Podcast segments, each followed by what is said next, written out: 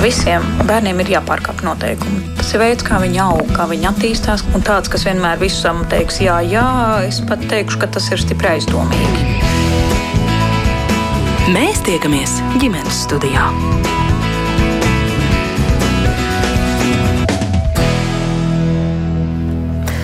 Labdien! Priecājos sveicināt jūsu visus ģimenes studijas radījuma klausītājus. Mans vārds ir Agnēs Linka, šī radījuma producente ir Sarmīta Kolāte. Šodien par mazuļiem un viņu attīstībā tik svarīgu uh, posmu kā mācīšanās staigāt. Uh, kā tad cilvēks kļūst par divkāji un vai ir no svara, kad tas notiek un kas par to jāzina vecākiem, kam jāpievērš uzmanība vēl staigātāju gadījumos. Par to visu šodien mēģināsim tikt skaidrībā radījumā ģimenes studiju un uh, sarunā šodien piedalās Rīgas treniņu un Universitātes bērnu ķirurģijas katedras docētājs un Bērnu klīniskās universitātes slimnīcas bērnu ķirurgs Jānis Upenieks. Labdien! Labdien! Arī fizioterapeite Jekaterina Bovtramoviča šodien kopā ar mums ģimenes studijā sveicināti! Labdien! Un pētmāma Elīna Kļaviņa. Labdien! Arī jūs, klausītāji, kā alaži varat pievienoties šai sarunai, ja jums rodas kādas pārdomas, pieredzes stāstī, jautājumu speciālistiem, klausoties eh, tajā, kas ģimenes studijā šodien tiek apspriests, droši rakstiet mums no Latvijas radio mājaslapas un eh, sūtiet šīs ziņas, mēģināsim iekļaut jūsu sacīto arī sarunā. Es gribētu sākt ar to, ka jūs viens otru papildinot, es skatos uz doktoru Upenieku un uz eh, Jekaterinu, varētu izstāstīt, kas tad īsti ir tas, kas nosaka, kad un kā un kāpēc bērns stā, sāk staigāt tad, kad viņš eh, sāk to darīt. Nu, principā uh, ir tā, ka bērns, ja mēs runājam par viņa attīstību, uh, kopumā ne tikai staigāšanu, jā, bet mēs viņu nevaram izraut no konteksta. Jā, tad protams, bērns protams. svarīgākā sentence, kas ir, bērns jebkuru savu jauno prasmi apgūst un sāk darīt tad, kad viņš tam fizioloģiski ir gatavs. Tad, kad viņš ir nobriedzis, viņa organisms ir attīstījies, stabilizējies, jā, un tad viņš apgūst jaunu māku. Jā, šajā gadījumā viņš ok, ir jau piecēlies stāvus, viņš jau turoties pie gultiņas malām ir apgūst šo lietu. Jā. Iespējams, jā, kad uh, viņš jau pirmais, ko viņš darīs tālāk, viņš pie šīs redeļu gultiņas malām turoties, arī mēģinās savus pirmos solīšus spērt. Jā, tā tad viņam vajadzēs to atbalstu. Vai tas reizēm ir vecāku atbalsts, kur pie rokām mēģina celt, likt uz zemes, jau un aiz rociņām turēt, šādā veidā veicinot bērnu vēlmu staigāt, jā, vai viņš to darīs pats. Uh, nu, vēl viena diskusijas vērta lieta, par ko ir droši vien vērts parunāt vēlāk, būs arī par staigulīšiem un par, par viņu plusiem un mīnusiem mīnus gan ir vairāk. Tā tad, jebkurā gadījumā tas, kas jāatcerās, ja, tā tad bērniņš iemācīsies un sāks darīt, tad, kad viņš būs tam gatavs. Un šis te, uh, vecuma posms, kad viņš to dara, atkarībā uz jebkuru prasmi bērnam nav stingri noteikta, piemēram, viena diena. Piemēram, nav pateikts, ka bērnam trijos vai četros vai piecos mēnešos ir jādara tas, tas un tas. Vienmēr ir intervāls no līdz. Respektīvi, mēs runājam par kaut kādu laika rāmi, kura ietvaros tam bērnam šī prasme būtu jāapgūst. Un, ja viņš iekļaujas tajā prasmē, piemēram, no pusgada līdz gadam, jā, tā, tad tas skaitās normāli, gan tad, ja viņš sāk to darīt sešu mēnešu vecumā, gan arī gada vecumā. Ja mēs runājam par pastāvīgu staigāšanu, tad principā tas vidējais cipars, kas bieži vien vecāku prātos arī ir iesēdies, ir tas, ka nu, bērniņam būtu jāstaigā pastāvīgi apmēram gada vecumā. Jā. Jā, tā, tas ir tas vidus, jā, bet tas nenozīmē to, ka ja bērnam būs piemēram gads un viens mēnesis vai gads un divi mēneši, viņš būs bišķi slinkāks un vēl pastāvīgi nestaigās. Jā. Tā, tas nenozīmē, ka tas viņu negatīvi kaut kā ietekmēs. Otra lieta, kas ir ļoti būtiski, kā jau es teicu, mēs nevaram izraut staigāšanu no kopējā attīstības konteksta. Ja? Tā tad, ja piemēram, arī pie doktora atnāk vecāki un prasa, nu, manam bērnam ir gads, divi mēneši, bet viņš jau pastāvīgi nestaigā, ja? tad noteikti papildu jautājumi, kas sekos, būs par to, ko tad jūsu bērns dara. Jā, jo, jo, piemēram, ja bērns sēž, ja viņš rāpo, ja viņš pieceļās, ja viņš stāv, šūpojas un tā tālāk, kas liecina, ka viņš vienkārši gatavojas šeit staigāšanas uzsākšanai, tad vairumā gadījumā mums tāda medicīniska satraukuma nebūs. Bet, ja, piemēram, neviena no šīm prasmēm jau nav gada vecumā, nu, tad ir jāsāk domāt par to, vai ar šo attīstības periodiku viss ir kārtībā. Mhm. Un tad eh, tas posms no kāda vecuma līdz kādam vecumam būtu šis normas lokus, kā saka, kad būtu jāsāk eh, pats. Principā staigāt. es teiktu tā, ka čaklākie pastāvīgie staigātāji skaitās. Tur gan viedokļi dalās. Ir arī ārvalstu publikācijās, kur raksta, ka tas varētu sākuma brīdis būt pat sākot no deviņiem mēnešiem. Jā, un vēlākā robeža parasti, kas tiek minēta, ir pusotrs gads. Tā tad tā, 9 tad, līdz 18 mēneši. 9 līdz 18 mēneši būtu tas laiks, kad bērnam būtu jāsāk patstāvīgi staigāt. Jā, bet, kā jau es teicu, ļoti svarīgi tas, nu, liekas, teiksim, kontekstā ar pārējo, ko viņš dara. Uh mhm. -huh. Ja Katrīna kaut ko vēl papildināsiet? Nu, es eh, ļoti piekrītu doktoram. Tieši tā ir. Eh, vēl ļoti daudz atkarīgs no vīdes, kur bērns atrodas. Jo, pieņemsim, eh, ja bērns mm, nu, imobilizēts, viņš atrodas manēžā vai kaut kāda tāda nu, vide, kur viņam nu, nav tās iespējas brīvi staigāt, ja, vai motivācijas pamaz, ja, tas arī var mazināt to vēlmi staigāt. Tā kā to bērnu tiešām jāskatās no daudziem aspektiem. Ja viņš ir vesels, viņš labi attīstās, viņam attīstība iet uz priekšu, tiešām varbūt ir vērts pagaidīt, kad viņš pats to izdarīs. Jo bērnam pašam ir ļoti liels prieks izdarīt to pašam, nevis tad, kad viņam vecāki to vada aiz rociņām vai staigulīši. Ja?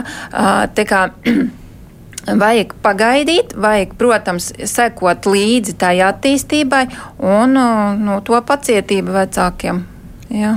Kāda ir tā vide, kas eh, veicina, kas eh, stimulē staigāšanas uzsākšanu vai mēģinājumus sākt to darīt? Nu, brīvība, ja pieņemsim viņam, viņš eh, atrodas diezgan ilgi kaut kādā manēžā, Viņš var tikai pārvietoties apkārt, viņam nav iespējas spērt tos solīšus, Uh, jo, jo bērns uh, viņš attīstās caur mantiņām. Viņam vajag skatīties mantiņas, viņam vajag to motivāciju, kur man iet, ko man darīt. Un, un vecākiem vajag nu, uztaisīt tādu vīdu, vīdi, dot viņam iespēju pie, pieņemsim, sniegties pēc tām mantiņām, skatīties, kas tur priekšā, spērt tos solīšus. Ja?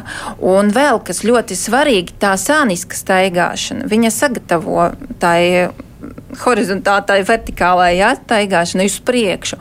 Bērnam no sākuma vajag pastaigāt arī sāniski. Viņš trenējās. Ja? Un tā, ja pieņemsim, vecāki to uh, izlaiž, sāk pieceļās kaiņas, nu, un tad tālāk iesim aiz rociņām uz priekšu. Viņi izlaiž to svarīgo posmu, jo tā sāniska staigāšana arī sagatavo tai staigāšanai uz priekšu. Tā sāniskā staigāšana būtu, ka bērns liek soļus, sāņus pieturoties, piemēram, Jā, pie, pie divāna. Pie divāna, pie sienas, vienalga pie kaut kādām mēbelēm kur viņam ērtāk. Aha, un šādā brīdī nevajadzētu viņu ķert aiz rokām un vest uz priekšu. Nē, jo viņš gatavojas, viņš vēl trenējās. Jā, Jā. Viņš gatavojās. Tas tā interesanti. Drusku varbūt par to motivāciju. Jūs arī pieminējāt vārdu motivācija, vai nav tā, ka tā vēlme un tiecība staigāt eh, mūsos katrā ir ielikta dabiski, ka mums vēl vajadzīga kaut kāda motivācija. Eh, Jekaterina saka, caur mantiņām un tam līdzīgi. Jā, mm, bērns attīstās caur mantiņām. Viņam nu, nekas cits motivāciju nedod. No sākuma tā pirmā tās grabulis, ja, kas viņam interesē, tad nu, lakatiņi vai kaut kādi, nezinu, riņķīši vienalga, nu, virtuves priekšmets, virtuves jā. tas vispār ideāli, jā. Jo parastākā manta, jo vairāk viņa interesē bērnam. Pieņemsim, var būt ļoti skaistas tur mantas, jā, viņi tur grābina un skāņas izdod un tā, un vecākiem tik patīk vecākiem, bet bērnam pilnīgi neinteresē.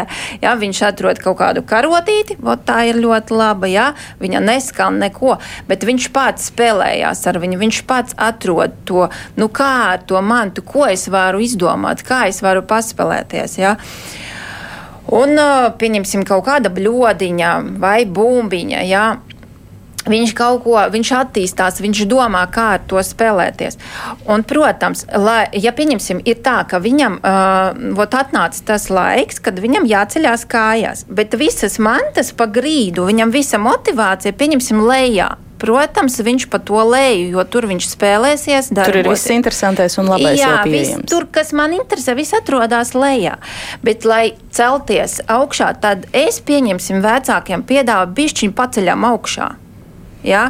Un tad līdz ar to mēs motivējam bērnu celties dabiski. Mēs vienkārši liekam motivātoru, un viņš pats ies augšā. Mm. Nevis mēs paņemsim aiz rociņām un celsim un kaut ko tādu darīsim, bet mm. stimulēsim pašam to izdarīt. Mm. Pie šī doktora, ko piebildīsiet vēl varbūt? Nē, principā es pilnībā piekrītu. Ja, no dabas mums ir ielikta tā vēlme, ka mums interesē un izzināt pasauli bērniem vajag, un viņi tiecās, ja, pastiepties garāk, paiet kaut kur tālāk, ieraudzīt kaut ko vairāk vairāk ieraudzīt kādu mantu, bet ja mēs šos papildus stimulus viņiem piedāvājam, tas ir nu, tāds salīdzinoši veselīgs veids, kā mēs veicinām to nu, vēlmi viņā šo attīstību turpināt. Mm -hmm.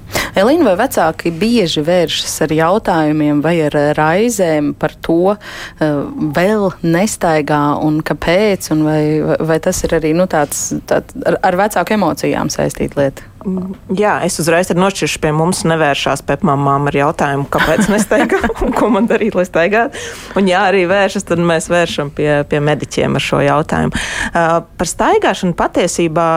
Um, manā lokā nonāk redzeslokā vecāki, kuri vairāk satraucas par to, ka bērns ātrāk uzsāk, jo viņi ļoti izglītoti un viņi zina, ka bērnam ļoti ilgi ir jārāpo un labāk ilgāk rāpot nekā staigāt un maksimāli noņemt visu nost, lai neveicinātu viņam it kā to eh, ļoti nu, kā pastiprināti to celšanos, eh, nu, kā sabalansēt to vidi.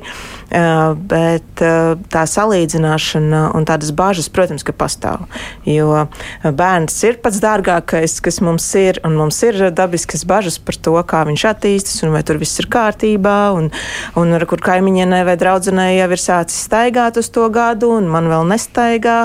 Un, Un viņas vienmēr, un mammas e, tieši saka, viņas, es saprotu, es prātu saprotu, ka nevajag salīdzināt, bet es vienalga satraucos. Man vienalga ir satraukums, un vai tas ir ok, un, un, un, jā, un tā kā ar tām e, satraukuma sajūtām, tad mēs varam strādāt. Novirzot. Ko jūs tad atbildat šajās situācijās? Mēs noteikti varam šo pārnāt. Tas, ko mēs vienmēr, un ko es parasti saku, vienalga vai tie ir jautājumi par valodu, vai par staigāšanu, vai par vēl kaut kādām tādām fiziskām attīstības lietām. Dodamies pie speciālista, ja pastāv bažas. Ja tiešām iet pāri tam vidējai normai un ir bažas, kaut kas vecākiem intuīcijā dažkārt ir. Ja, iekšā, ko varbūt nu, es ikdienā vērojot savu bērnu, es redzu, man ir sajūta, ka varbūt kaut kas nav. Labāk pārliecināties. Uh, Bet atkal, jā, jo to balansu noturēt, kā skriet ar katru sīkumu pie ārsta, tur, tur mediķiem jāskaidro, ja kāds no viņa puses izskatās, bet uh, mēs arī negribam veicināt kā pepmāmas šādu rīcību. No otras puses, protams, labāk pārliecināties. Uh, tad, tad vispirms tas iedrošinājums vērsties pie speciālista un tad pārunāt, līdzīgi kā doktors minēja, kas ir tas, ko bērniņš dara, kas tad ir šobrīd, kas notiek tajā attīstībā. Un tad, ja mamma saka, nu jā, viņš stāv jau, man tur jau mēnesi stāv un studējās un, un, un tā kā gatavojās, nu tad tā attīstība notiek bet uh, mazliet lēnāk. Iespējams, tur nāk līdzi arī uh, ļoti spēcīga, piemēram, kaut kāda kognitīva attīstība, tātad prāta attīstība, kā, ko līdz bērns vertikalizēs, viņam mainas pilnīgi priekšstats par pasauli. Viņš ierauga citādāk, un, uh, un tur Eh, nu, tā kā, nezinu, tālēni izsakoties, viņam tā kā mazliet jāpievāk līdzi gan emocionālais, gan kognitīvais. Jā, tur jau var tā attīstība notiek tieši tā, nevis tikai tajā fiziskajā, bet viss, viss, viss kopā. Un tad varbūt, tur notiek arī kaut kāds process, kas bērnam ir jāizdara, un tad viņam viss tur, kā saka, vadiņi saslēdzās, un viņš un tad var celties. Aiziet. jā. jā. jā, arī klausītāji, protams, kā vienmēr var pievienoties šai sarunai, un Egons mums eh, raksta, viņš vaicā, vai ir iespējams nepareizi uzsākt staigāšanu. Dr. Upeniek? À, jā, tas tāds tiešām ļoti interesants jautājums. Uh, ir ļoti grūti definēt pareizi staigāšanu un nepareizi staigāšana, jo mēs varam diskutēt par to, cik aktīvi tam būtu jānotiek. Jā, vai mēs ļaujam bērnam pašam staigāt, vai mēs dodam kaut kādus tehniskus palīgu līdzekļus, kādā vecumā tam būtu jānotiek, bet pateikt pareizi staigā vai nepareizi staigā gaita ir viena no lietām, ko cilvēks cilvēks apgūst un dara zemapziņas līmenī.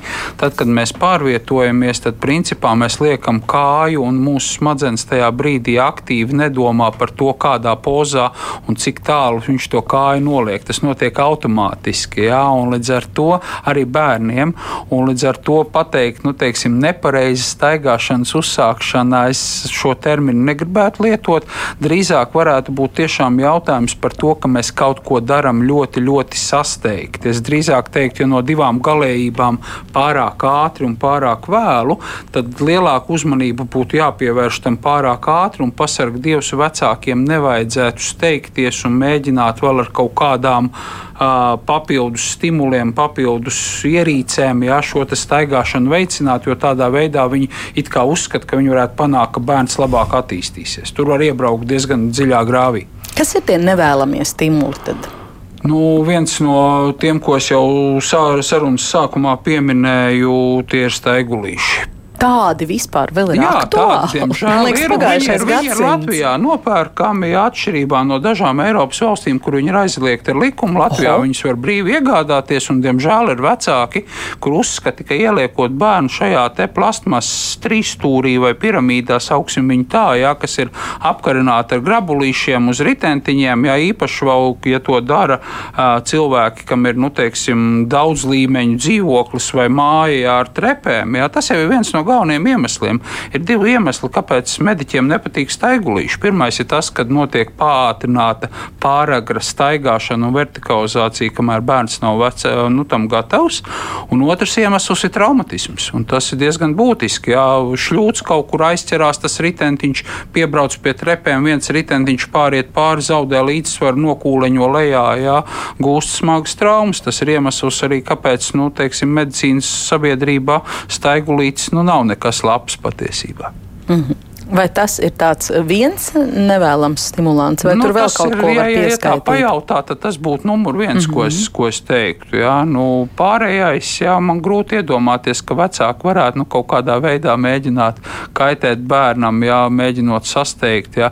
Tur tad atkal varētu būt cits jautājums par uh, sēdināšanu. Bieži vien vecāki mēģina sēdināt uh, bērniņus, jā, pirms viņi tam ir gatavi. Jā.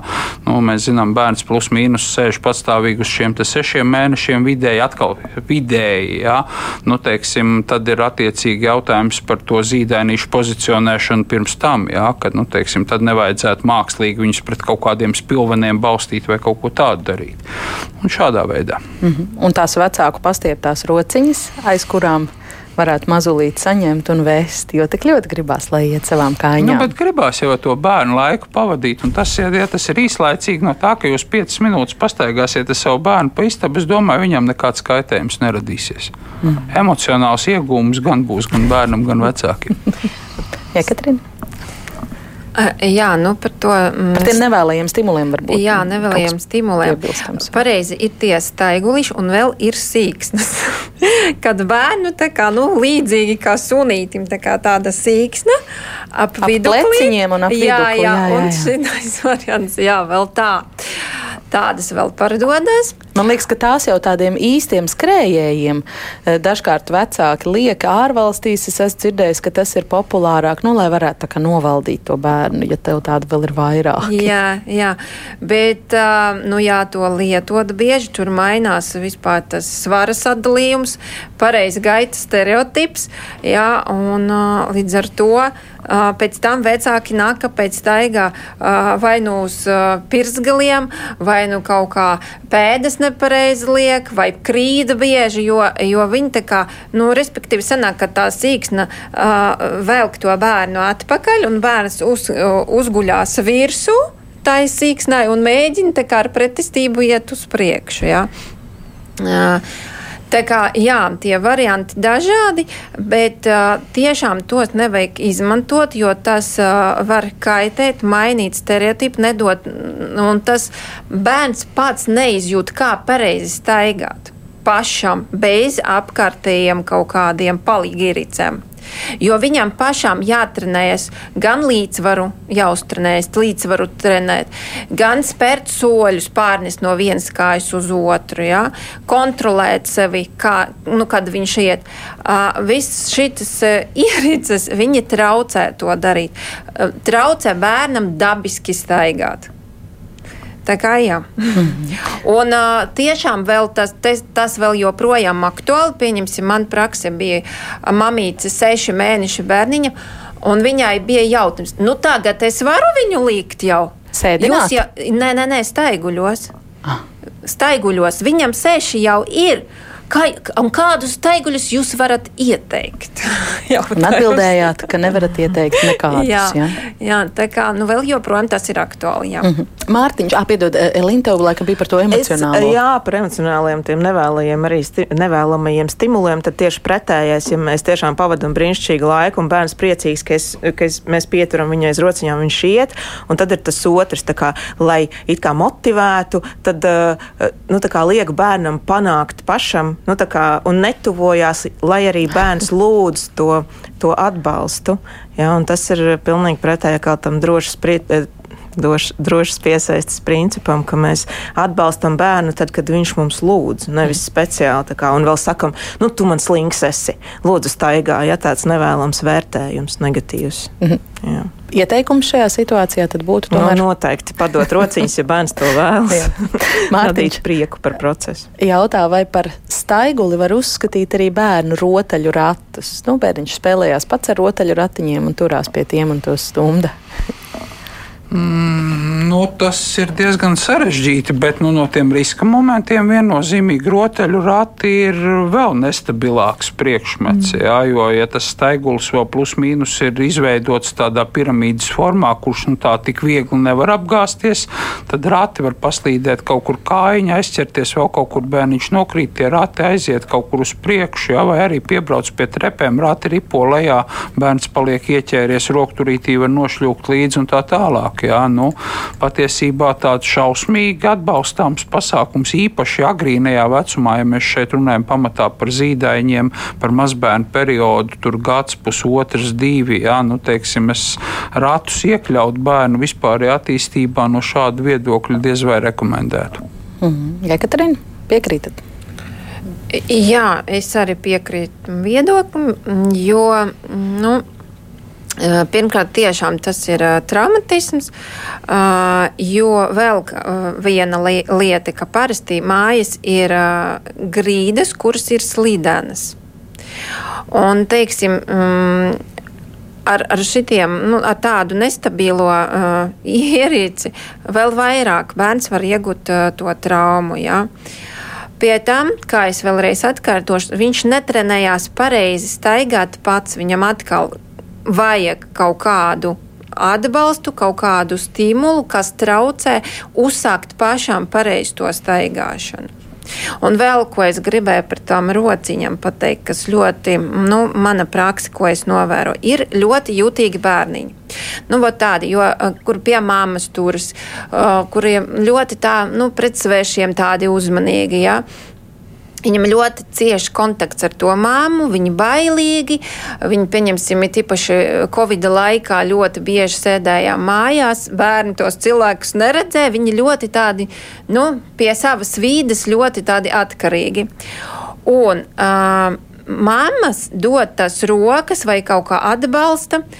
Un tas bērns, viņš pierod, ka vot, staigāšana tas ir tad, kad man dod roku, kad man balstā no visām pusēm. Un, un viņš diezgan labi var staigāt. Vat, kad viņu vada, viņš ļoti tāds aktīvs, tad atrauj rociņu, kaut kur paskatās, noliecās un ļoti nu, droši jūtās. Tikko tās rokas atņem, uzreiz panika, kur tā roka. Pat pilnīgi tiešām prasa, dot, dot, var raudāt, dot man to roku, vai kur man pieķerties, jo es bez tās rokas pilnīgi nezinu, ko darīt Vot tādi gadījumi arī ir. Un pēc tam man uh, reāli bija pat uh, likta psihomotoras attīstības traucējuma diagnoze. Nu, bet es skatos, ka bērns ir pilnīgi normāls. Viņš vienkārši atkarīgs. Viņš pilnīgi pat ir bērns, kur rokas trīs, tikai dod, dod, kur pieskarties. Oh, balstos, balstos, viss varu stāvēt. Mm. Ja? Un tādu mēs pakāpeniski attalinām to un dodam to sajūtu, ka tu, nu, nu, tu skaties, tu vari pats, tu vari, tiešām vari. Un tad bērns sāk staigāt. Ne visiem bērniem, bet dažiem tā var, var tā būt tāda situācija. Jā. Elīna, par šo ko teiks? Uh, jā, es likšu uzsveru uz to pakāpeniski. Droši vien, ja, ka ir bērni, ja mēs domājam par temperamentu iezīmēm, tad ir šie lēni iesilstošie, kuri piedzimst ja, ar to, nu, tādi, kuri lēnāk tuvojas jaunām lietām, jau dabiski. Un tad atkal nu, mēs nevaram viņus ietrenēt, kā mēs zinām par temperamentu. Tas nav kaut kas tāds, ko mēs varam kā, mainīt, ielaust bērnu kaut kādā citā lietā, bet mēs viņu varam iedrošināt, noteikti ar iedrošinājumu, ar uzslavām. Un, un pamazītiņām tiešām tā kā skaties, skaties, tev izdodas. Ja viņ, bet atkal, ja viņš izrāda tiešām to vēmu un cik ilgā laika posmā, tur noteikti tad atkal konsultācija pie speciālistiem, cik ilgi bērns šādā veidā pie rociņas pārvietojas, jā, nelaižas vaļā. Jā. Uh, Māma diviem vaicā, vai šie priekšstati par to, kad jāsāk staigāt, nav mainījušies, jo nereti vecākā paudze jautā gads un vēl nestaigā. Varbūt šis jautājums tāpēc, ka agrāk tā bija norma.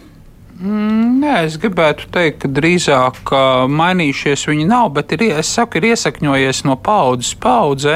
Tas, ka uz gadu nu, tas, tas vidējais rādītājs, jā, bet nu, tad viss uzskata, ka nu, tam jābūt atskaites punktam. Jā, un tāpēc droši vien tā vecmāmiņa arī saka, ka gads un vēl nestaigā. Jā, bet, bet patiesībā drīzāk mēs mūsdienās vairāk runājam tieši par šo intervālu. Jā. Mm. Uzsveram to. Jā. Elīna mums vaicā, kā ātrāk bērnu atradināt no sēdēšanas pastaigu ratos. Meitai ir divi gadi un divi mēneši, bet nelabprāt grib staigāt. Um, jā, tas arī var būt. Nu, tas ir saistīts, es domāju, ka daudz uh, no psiholoģijas. Jā, uh, varbūt tiešām bērns nu, negrib kaut kādas jaunas, vai baidās no jaunām kustībām, no kaut kā jauna baidās. Jā. Es domāju, ka nu, noteikti ar vāru tā nē, kā teica. Elīna, jā. Elīna jā, ka tiešām vajag pakāpeniski to darīt, jā, piedāvāt varbūt mm, nezinu, kaut ko mainīt, to, tos rātus tur atvērt, jā, vai kaut kā.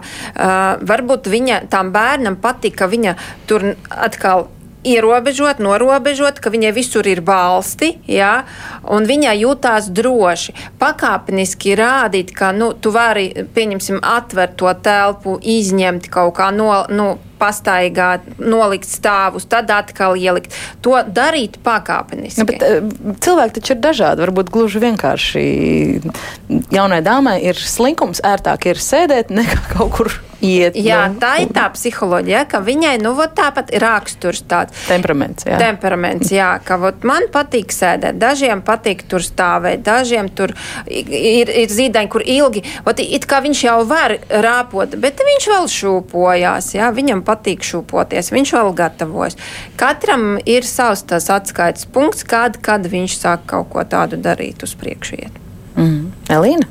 Jā, un ja teiks, kaut ko Elīnai. Jā, šeit to tad, uh, pra, uh, gribētos pajautāt, ko bērniņš dara, kurās vidēs viņš, e, nu, tas, ko es iedomājos. Nu, rati, tas droši vien ir ārā, rati, tā tad ārā viņai patīk sēdēt. Uh, jāpavēro, kas notiek citās tiešām vidēs, vai viņi skrien lēkā un, un dara lietas.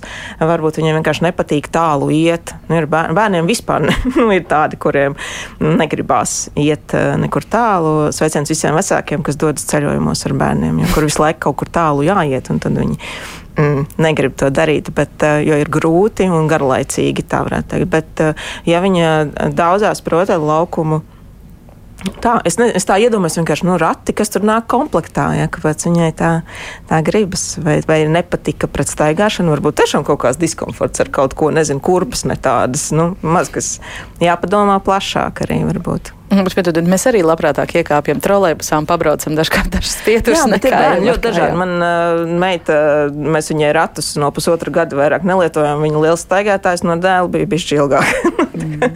Tāpat pie, laikā- viņš labprāt cenē. Tu pieminēji ceļojumus un ārzemēs aizbraucot. Šķiet īpaši durās acīs, ka dažkārt Rietumē Eiropas valstīs pavisam mm. liels bērns. Jā, Tāds jau četrgadnieki. vecumā, tu piecgadniekus šķiet vai pat sešgadniekus redzēji mm. normāli Bet, ja attīstīts. viņš izdauzās par otru laukumu, vienkārši tik daudz, lai mēs tiekam uz priekšu, un nav, nav kaut kāda tur ņūņu čīkstēšana, nu, tad ir uh, forši. Nu, es tā domāju, ir jāskatās, nu, kop, Varbūt viņa kopsumā. vērotā, viņai patīk skatīties, viņai ap, apkārt varbūt viss tik interesants, un viņa to tā kā skatās, viņa tur sagramos madzenes, kas notiek viņai līdz staigāšanai, nu, tāpat ir interesanti. Es atgādināšu, ka ģimenes studijā šodien mēs eh, runājam par eh, bērnu attīstībā tik svarīgu posmu kā mācīšanās staigāt un staigāt uzsākšanu. Un šeit sarunā piedalās bērnu ķirurgs Jānis Upenieks, fizioterapeiti Jekaterina Bovtramoviča un pepmāma Elīna Kļaviņa um, par grīdu, kas ir slīdīga, uh, par ērtiem, nērtiem apaviņiem. Doktor, jums ir kaut kas tāds padomu komplektiņš, bērns šķiet tūdaļ sāks staigāt. Kam jābūt kājās, kādai jābūt grīdai, plikām kājām, zeķītēm, apaviņiem ar bez. globāla tēma. Patiesībā par to var runāt daudz un dikti. Tā tad Nu, īsumā tā jā. tad primāri grīda. Grīda ir drošākā vieta, kur bērnam būtu. Nevajag baidīties, ka bērns rāpo pa grīdu, ka viņš sēž uz grīdas, rotaļājās, pieceļās, apguļās. Augsta grīda taču. Protams, tas nozīmē, ka grīdai ir jābūt plus-mínus tīrai. un Nevajag izmantot bērnu kā grīdas lupatiņu. Ir internetā video, kur bērniem uzliek tās pumpainās lupatiņas un skatās, kā zīdainītis lauka grīdu. Jā, bet, bet uh, nu, tas tā, tā būtu parodija. Uh, Grīdai ir jābūt siltai. Ļoti bieži modernajās mājās mēs redzam siltās grīdas. Un, Jā. ja nav, tagad Ja- mammas vai tēti kritīs izmisumā Jā, nu, par to, ka nav tā siltā grīda. Jā, nu tad principā ir tā, ka ja tā dzīvokļa temperatūra kopumā ir atbilstoša, jā, un, un, un, un nav tā, ka ir kaut kāda caurvēja vai vēl kaut kas, jā, kur mums zīdainīts tajā telpā spēlēsies, droši vien, ka par to mēs padomāsim arī telpā bez siltajām grīdām. Es tiešām neredzu nekādu šķērsli. Varbūt grūtāk ir ziemas periodā, jā, teiksim, tad, kad ir augsts drēgnis vai, vai dzīvoklī vēl nav pieslēgta apkure, nu tad varbūt var ierobežot to spēlēšanās ilgumu, bet tik un tā aizliegt to nevajadzētu. Ja mēs runājam par uh, Labi, par slīdēšanu. Jā, tā tad pēc kārtas. Mūsdienās ļoti daudz zeķītis ar speciālām gumijas pumpiņām, kas neslīd un, un, un bērnam ļauj justies stabili tiešām un pasargā no potenciāla špagatiņa. Jā, tā tad, nu, kāpēc ne? Atzīstamas, jā, tā- tās tā- gumijas ir- pumpiņas. Tam es nevaru iedomāties sliktu pamatojumu, ko tas varētu kādā veidā kaitēt bērnu veselībai. Nu, ja mēs aizējām tālāk, nu, tad par bērnu apaviem. Uh, principā tas ir, tas ir ļoti smags jautājums. Uh, ir divi diametrāli pretēji viedokļi. Ir medicīnā balstītais viedoklis un ir populārs zinātniskais viedoklis, un diemžēl viņi konfliktē. Kurš tad ir kurš? Ā, Medicīnā balstītais viedoklis ir tāds, ka nu, tas, ko mēs sakām uz pierādījumiem, nav pierādījumu tam, ka bērna kāja ir jāliek apavos. Nav. Nav medicīnisku pētījumu, kas pasaka, ka mums zīdainim, gadu vecam bērnam, kas mācās staigāt, ir vajadzīga apave ar, supinatoriem, ar augstām kapēm un tā tālāk. Respektīvi, ko mēs iegūstam, ja mēs tādu apavu uzliekam? Protams, bērniem ir šī fizioloģiskā hipermobilitāte. Viņiem ir vaļīgs locītavs, un bieži vien, kad bērniņš apstājās, viņam pēdiņas sasverās uz iekšā. Tas ir tas, ko vecāki arī pamana. Bērniņam bieži vien gada vecumā arī vēl nav izveidojušās pēdas vēlus, viņam ir arī plakana pēdiņa, viss komplektā. Un tad ir tā, ka, ja mēs šādu kāju ieliekam nu, tajā saucamajā pareizajā apavā, jā, tad, protams, īstermiņā mēs uz viņu paskatāmies, o, baigi forši, jā, kājiņa stabilāk, viņš ir tā kā tā medicīnā no ortozē būtu ielikts. Jā. Cilvēks ir sastiepis saites, viņam viens veids, kā imobilizēt, ielikt viņu ortozē.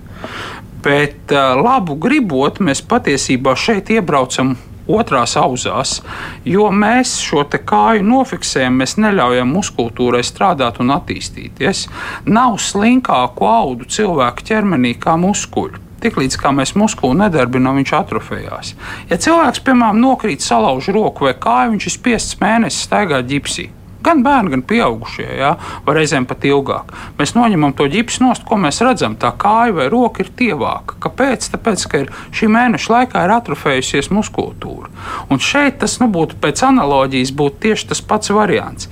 Ja mēs gribam šo muskuli trenēt un lai viņš būtu labā formā, ko dara sportisti. Viņi regulāri šos muskuļus noslogo.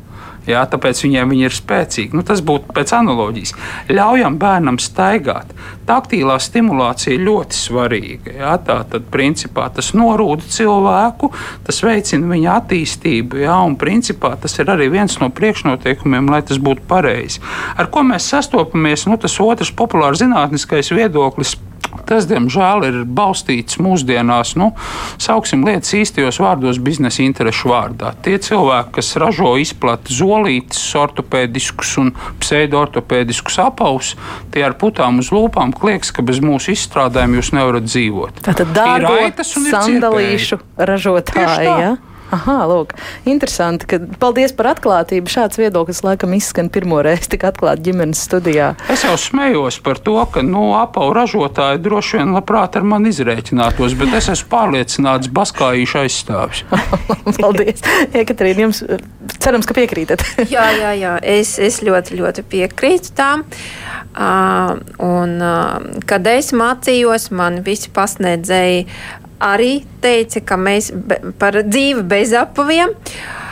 Un, Jā, un man bija viens seminārs, un bija tāds eksperiments, interesants. Mēs kā studenti skatījāmies, pasniedzēja veids pētījumu, bērna attīstība, un uh, bērns bija, uh, bērns staigāja tur nu, notika filmēšana, bērns staigāja parastajā dzīvoklī, un viņam uz, uz kājām bija tādi tā kā mīkstie tādi zabaciņi, tādi uzlikti. Un viņam nu, bija redzams, ka viņam kaut kā grūti, nu, kā viņi traucē. Un Blakus staigāja mamma ar plikām pēdām. un tad pasniedzēja, pat, kāpēc mamma staigā ar plikām pēdām, bet bērns ar tādiem lieliem, smagiem zabakiem. Bērns vēl, uh, viņš vēl attīstās, viņš vēl to savu pēdu īsti neizjūt līdz galam. Mums vajag dot viņam to iespēju izjust. A, kā viņš to izjūtīs, ja pēda, nu, respektīvi, viņa nav brīva? Ja viņa ir iesaistīta. Jā, jā, viņa tā kā kastīta. Mm -hmm. Un tās virsmas, jebkuras virsmas ar brīvu pēdu, viņš var sev to pēdu izvingrināt tā, kā viņš grib. Jo bērns, bērna kustības tik daudzveidīgas, pieaugušais nevar atkārtot visas kustības, ko dara zīdainis. Mm. Uh, mums arī bija tādi. Tā kā, Uh, nu, tādi eksperimenti, ka mēs mēģinām atkārtot to, ko dara zīme. Mēs piekusam. Tas varētu ļoti komiski no malas izskatīties. Jā, jo bērns viņš, viņš pats zina labāk, kā viņam kustēties, un, un viņam tā pēdu kustības ļoti daudzveidīgas. Un te kā no sākuma, protams, vecāki grib, lai tā pēda smuki izskatās, ka stāv tā kā vot ideāli, bet tā nebūs, jo, jo viņš vēl savu to pēdu neustrinēs. Un tās pēdas pozīcijas var būt dažādas, un uz iekšu, un uz āru, un plāti stāv. Un dažreiz nāk uz konsultācijām, ka vot nepareizi staiga. Tad jautājums, cik ilgi viņš sa, sa, nu, staigā? Nu, kādu nedēļu. Nu, protams, viņš vēl trenējās. Viņš, viņš staigā ar uh, to plātu atbalstu fāzi, lai sevi stabilizētu. Viņam grūti noturēties. Tā kā daba gudra, viņa par visu padoma. Viņai tikai nevajag traucēt to, darīt savu darbu. Mm -hmm. Jā, un šobrīd ar kādu pieredzi stāstu mūsu sarunai piepulcēsies māma, kuras meitiņai nu jau drīz būs pieci gadi, bet savulaik tas bija ģimenē pirmais bērniņš un vēl staigātājs. Tā mēs to definējam, jo pirmos patstāvīgos soļus meitenīte spēra tikai pusotra gada vecumā. Paklausīsimies māmas stāstītajā. To, ka viņas motora attīstība notiek vēlāk, kā vienaudžiem, es sapratu diezgan ātri jau pirmajā pusgadā, jo es draudzējos arī ar citām mamām un tuviem radiniekiem arī bija piedzimuši bērniņi līdzīgā vecumā. Un tā kopā dzīvojot un vērojot, jau varēja saprast, ka viss kopumā ir kārtībā, bet viņi vienkārši lietas dara lēnāk, vai tad, kad citi jau dara, viņi vēl īstenībā netaisās. Un tad um, ģimenes ārste kādās profilaktiskās vizītēs nosūtīja, piemēram, pie neirologa, un tad jau tajos pirmajos eh, vizīšu secinājumos arī neirologs rakstīja, ka kopumā viss ir kārtībā, tikai motorās attīstības aiztur ir. Nu, mēs tā brīvi un atvērti to uztvērām, un tad um, būtībā līdz tam pusotru gadu vecumam mēs izgājām arī valsts apmaksātu fizioterapijas kursu. Sākumā paskatījās rehabilitologs un tad nozīmēja vingrošanu skaitu. Tur mēs izgājām, un tad, kad tas bija beidzies, tad meita dzīvojās, un tad, kad citi jau, jau rāpoja, tad viņam vienkārši knibinājās ar saviem pirkstiņiem, vai tur vairāk runājās, vai citas lietas pa to laiku attīstīja, kamēr citi jau skrēja. Bet um, mēs tā kā turējām rokas pulsu, un, un interesi pēc izdomājām aizvest arī pie mākslas fizioterapeits. Tā fizioterapeits strādāja ar bobata metodi. Bet tā sistemātiski, bet salīdzinoši neregulāri mēs arī pie viņas apmeklējām un veicām tās vingrināšanas un masāžas viņai. Pie viņas tās vizītes bija tādas, um, man kā mammai ar tādu parunāšanos un daudz ko skaidroja.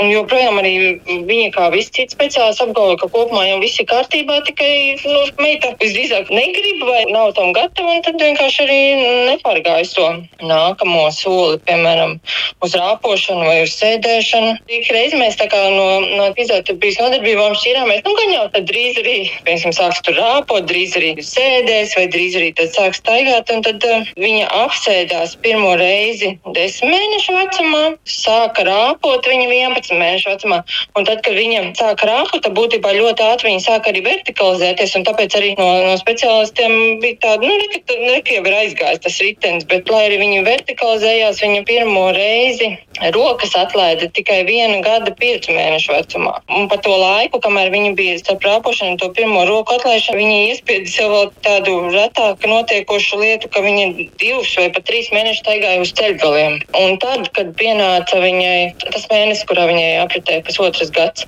un tad viņa būtībā vienā dienā, nu tā arī atklāja tās rokas un sāka kustību no, no mammas uz tēti, un tad arī tas klikšķis notikās, un viņa aizgāja. Un uzreiz aizgāja stāvā, es jau, protams, dalījos ar draudzenēm, ar blakus māmiņām, un tās, kas bija pieredzējuši savu mazuļu staigāšanu, no viņām izskanēja tāds apbrīns, cik viņi to dara pārliecinoši, un tā kā visu laiku būtu darījis. Un visdrīzāk viņai tur kaut kas iekšā tur nostabilizējās, viņa sajūta sevī pārliecību, tikai tad, kad sajūta sevī pārliecību, tad arī aizgāja. Un patiesībā tagad valkoties laikam uz priekšu, nu, jebko kā bērns attīstās, ko viņi dara. Viņi tā arī dara. Nākamās lietas tikai tad, kad sevī sajūt to pārliecību. Mēs varam skubināt vai aicināt, bet jānotiek viņai iekšā pašai savam klikšķim, un tikai tad tās lietas notiek. Mhm. Tā ir tāda personības iezīme, vai ne? Jā, jā, tā ir viņas pieeja. Es negribu, es nedaru. To, vai viņa gribēs, to var ietekmēt tikai, tikai viņa pati. Un mums kā vecākiem, nu, tā pieredze bija arī nu, iegūmi.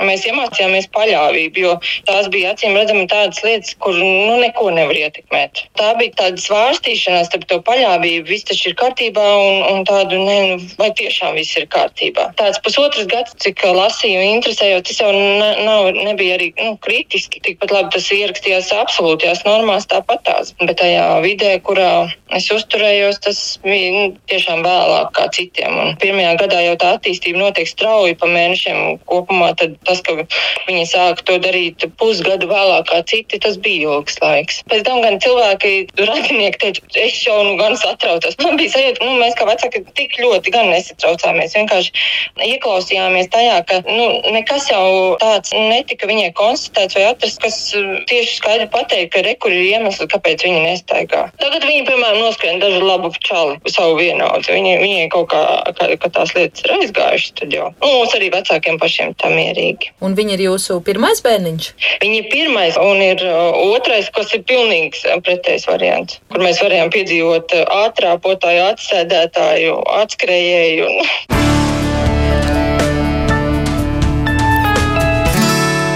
Tāds lūk, mammas stāsts. Paldies, ka dalījāties. Um, doktor, kādu komentāru par dzirdēto? Uh, jā, es gribētu teikt, ka te iezīmējās divas lietas. Man tā klausoties to stāstu. Pirmā lieta ir tā, mēs šeit visu laiku runājam par kaut kādu laiku, kad bērnam savā attīstībā būtu jāsāk kaut kas darīt, bet mēs tādu uzsvaru neliekam par to, ka patiesībā sākums ir viena lieta, bet jautājums ir, cik ilgi viņš to dara. Respektīvi, tas periods, ja, kamēr bērns tikai sēž sēž, tad viņš pārklājās ar periodu, ja, ka bērns gan sēž, gan rāpo, gan viņš gan sēž, gan ceļās kājās, gan stāv kājās, gan sāk staigāt un tā tālāk. Un šeit drīzāk varētu būt jautājums par to, ka kāds no šiem periodiem sākās vēlāk, bet laika ziņā ir īsāks. Un, respektīvi, tāpēc uz to atskaites punktu, to pusotru gadu, patiesībā viss tas, uz bērnam pēc grafika būtu jāapgūst, tika apgūts. Un arī satraukumam šajā gadījumā pamata nebija. Tā ir viena lieta, ko es gribētu akcentēt, ka šie periodi nav standarta, klišeja veidi, visiem pilnīgi vienādi. Arī tur ir iespējams variācijas. Un, um, Otra lieta, ko es gribēju akcentēt, tas ir šī vide un um, nu, salīdzināšana. Jā, un, un, un, un tas, kur iesaistās draudzenes, kaimiņienes, vecāki, vecvecāki, citi bērni. Jā, patiesībā nu, katrs bērns ir individuāls, un pat ja mēs reizēm paskatāmies uz viņiem, kur it kā liekas uz pirmo skatienu, ka viņi ir pilnīgi identiski, jā, pat viņi reizēm daudzas lietas dara atšķirīgi. Un, principā tas ir tas, ka nu, mēs neesam ražoti, kā teikt, fabrikā, kur viss ir pilnīgi vienādi 100%, nu, 99,9% teiksim tā. Ja? Un principā viens bērniņš darīs kaut ko savādāk, otrs darīs vēl savādāk, un trešais varbūt nedarīs vispār. Ja? Līdz ar to arī vienā ģimenē kaut gan tie paši vecāki, kā tie paši apstākļi, nekas vidē nav mainījies.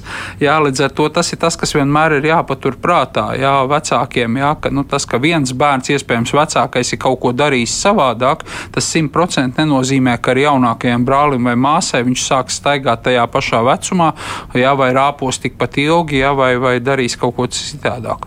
Mm. Jekaterina, kaut kas vēl akcentējams papildus doktora teiktiem? Uh, jā, es pilnīgi piekrītu. Uh, un, uh, ko es šeit sev kā, nu, atzīmēju, ka Tomēr bērns attīstās labi, jā, viņš, viņš iekļaujās visos rāmjos, jā, bet šeit ļoti svarīgi, cik es pamanīju tai mamītai, uh, bija tā, ka, ko saka citi, jā, vot, tas salīdzinājums, jā. No, nu, tā tas, tas, ir, izbēgt, tas ir, jā, un, un salīdzināšana daudziem vecākiem, viņa dod arī uztraukumu vecākiem, un vecāki, kā kaut kur bija teikts, ja vecāki prasa no, no bērnam to, ko viņš nevar dot, viņš arī nedos. Mm. Ka viņi gaida, viņi, vi, bērns dzīvo ar tādu māmīti, ar tādu teikt, kurš, nu kad, nu kad, nu kāpēc nav, jā. Mm. Un tas uh, nedod, nu tā kā atbrīvoties bērnam un brīvi attīstīties. Mm. Kopumā jāskatās to attīstību. Ja bērns attīstās, ja viņam viss notiek, tad, tad tā attīstība iet uz priekšu. Arī ļoti svarīgi viens moments, mm, ko bieži dažreiz arī palaiž garām, ka bērna piedzimšanas laiks dažreiz ir tā, ka bērns piedzima nedaudz ātrāk noteikta termiņa. Tad mums to arī jāievēro. Ja pieņemsim, viņš piedzima 35. grūtniecības nedēļā, tad mēs dodam viņam laiku jā, arī attīstībai. Mm. Tas ir arī svarīgs moments, es uzskatu. Šeit gan es sadzirdēju, ka mamma savā stāstītajā teica, mēs iemācījāmies paļāvību. Mm -hmm. Jā, es arī to sadzirdēju. Pirmkārt, sadzirdēju brīnišķīgas rūpes no vecākiem par savu bērnu, um, vēršanos pie speciālistiem, un tad, kad viņi jā, dabū šo paļāvību sevī, Eh, tad arī tie apkārtējie viedokļi izklausās šos vecākus tieši tik ļoti neietekmē, bet var būt ļoti dažādi un nevajag sev vainot, ja, ja ietekmē. Mēs arī esam kā pieauguši atšķirīgi tāpat kā tie bērni, un, un tad gan ir nepieciešams meklēt tādu emocionālu atbalstu, jā, tā kā Jekaterina minēja, lai nav šis eh, tāda nu, ļoti liela prasīšana no bērna. No vienas puses tā vide mums pieprasa jau no bērna piedzimšanas, īstenībā grūtniecības laikā ir šie eh, parametri, ko vēro, pēc tam vēro pēc bērna piedzimšanas cik mēnesi mēs ejam parādīt, kā tad mēs augam, ja, un kā mums te veicās, kā, kā mamma un tēvs ir pastrādājuši ja, pa to mēnesi. Un, un tā tad atzīmju likšana ja, kas, kas vecākiem arī rada sajūtu, ka man, manam bērnam vai man ir jāatbilst kaut kādiem standartiem kopā ar to manu bērnu. Un, protams, ka tas pāriet uz bērnu, un viņš jau sajūt to, ka es neesmu pietiekami labs, ka es neatbilstu kaut kādiem standartiem. Tā kā jā, tādu paļaušanos, konsultēšanos ar speciālistiem, nevis ar um, omītes, ir labas, ļoti vērtīgi. Nu, mēs esam par to runājuši šeit. Bet, uh, ne tajā, ka nu, viņas nezinās varbūt par to attīstību, mm. kā tai ir jānotiek un kas mums ir jāskatās, vai tur notiek kaut kas pareizi vai nepareizi. Mm. Normons vēl raksta, varbūt varam nokomentēt arī īsi viņa sacīto. Agri staigāšana nav vēlama tādēļ, ka bērns staigāt ir iemācījies, bet laikus apstāties vai varbūt apsēsties pēc nepieciešamības nemāk. Un tad ir liels traumatisma risks. Vai ir vēl kaut kas, ko jūs rindotu līdz ar traumatisma risku pie tās, kāpēc nav labi, ka ļoti agri sāk staigāt? Nu, es negribētu varbūt absolūti piekrist tam, ka uh, bērni, kur agrāk sāk staigāt, biežāk traumējās. Nu, ja mēs, protams, paskatāmies laika ziņā, viņi staigā ilgāk viņiem ir iespēja gūt traumas vairāk, tāpēc, ka viņi staigā, piemēram, trīs mēnešus tajā laikā, kamēr pārējie sēž. Nu, šādi viedokļi, bet uh, uh, principā tas, kad, ko, ko mēs jau runājām, ja, tā tad ir jābūt tai attīstībai līdzsvarotai, ja, un, un bieži vien vecāki arī vizītēs pie uh, ortopēda ortopēda par staigāšanu, par gaitu, par to, kā bērns liek kājiņas. Tur ir ļoti daudz komentāru, jā, ka nu, tās kājas tur griežās uz iekšā, un ir pa kāds ir pamanījis plakanu pēdu, kāds vēl kaut ko. Un bieži vien vecāki uzskata, ka tas, ka, piemēram, mazs bērniņš, kas tikko ir sācis staigāt, staigā platā atbalsta gaitā ar izvērstām kājām, viņš vienkārši mēģina nodrošināt savu lielāku virsmas atbalstu laukumu. Viņam tā ir stabilāk. Viņš stāv ar plati izvērstām kājām, viņš nedaudz iesēžās gurnos un celīšos. Jā, jā, lai smaguma centrs nostājās zemāk, viņš izpleš rokas, un tad viņš tos pirmos drebelīgos solīšus arī iziet. Jā. Un pēc tam, kad jau viņš sāk pastāvīgi aktīvāk staigāt, jā, tad arī mainās tas, tas gaitas stereotips, mainās tas, kā kājas tiek liktas. Jā, bieži vien vecāki saka, jā, bet mans bērns krīt tāpēc, ka viņš tur klumpačo tā kā lācītis, viņš tur griež pēdas uz iekšā un tā tālāk. Un tad sākās izskaidrojušais darbs par to, ka iespējams, ka šajā vecumā tas, ka viņam tās pēdiņas griežās uz iekšā, ir vienkārši daļa no pilnīgi normālas un fizioloģiskas bērnu attīstības, kas 99% tā arī ir. Jā, un tad, kad cilvēkiem to izstāst, kad viņi to saprot, jā, tad arī viņi uz daudzām lietām skatās savādāk. Mm -hmm. Nu, bet laiks gan arī beidzies, bet nu, pavisam īsi varbūt tie riski tai agrīnai staigāšanai tad ir vai nav? Īsti medicīnisku risku nav. Mm -hmm. Ekaterina, kaut ko vēl piebildīsiet? Uh, nu jā, nu jā, grīnis sāk staigāt. Dažreiz mēs novērojam kaut kādas tādas it kā, bet arī uh, nav tām pamatojumi, ka deformācijas, jo pieņemsim, uh, vēl nav nostabilizējušas saitītes, vēl attīstās locītavas kauli, bērns vēl aug, un uh, var būt kaut kādas tādas, nu, XO veida deformācijas, ir tīpaši agrāk tāds bija, nu, tā uzskata, jā, ka jā, agrāk sāk staigāt, tad mēs redzēsim tās deformētas kājas. Bet tas var būt, un tas arī nevar būt. Un par to risku traumatismu. Bērns, kamēr aug, viņš tāpat kaut kur sasītīs savu pieri, roku, galvu. Vi, pat ļoti uzmanīgiem vecākiem bērni tāpat krīt. Tā kā saistīt to ar to staigāšanu, nu, jo vēl attīstās visi tie. Uh, līdzsvara reakcijas attīstās bērnam, viss tikai formējās. Tā kā tieši uz staigāšanu tas ir jautājums, vai tas ir ar to saistīts. Mm, jā. Šim piekrīt arī klausītājs Mārtiņš, kurš raksta, nenokrītot, neviens nav staigāt iemācījies.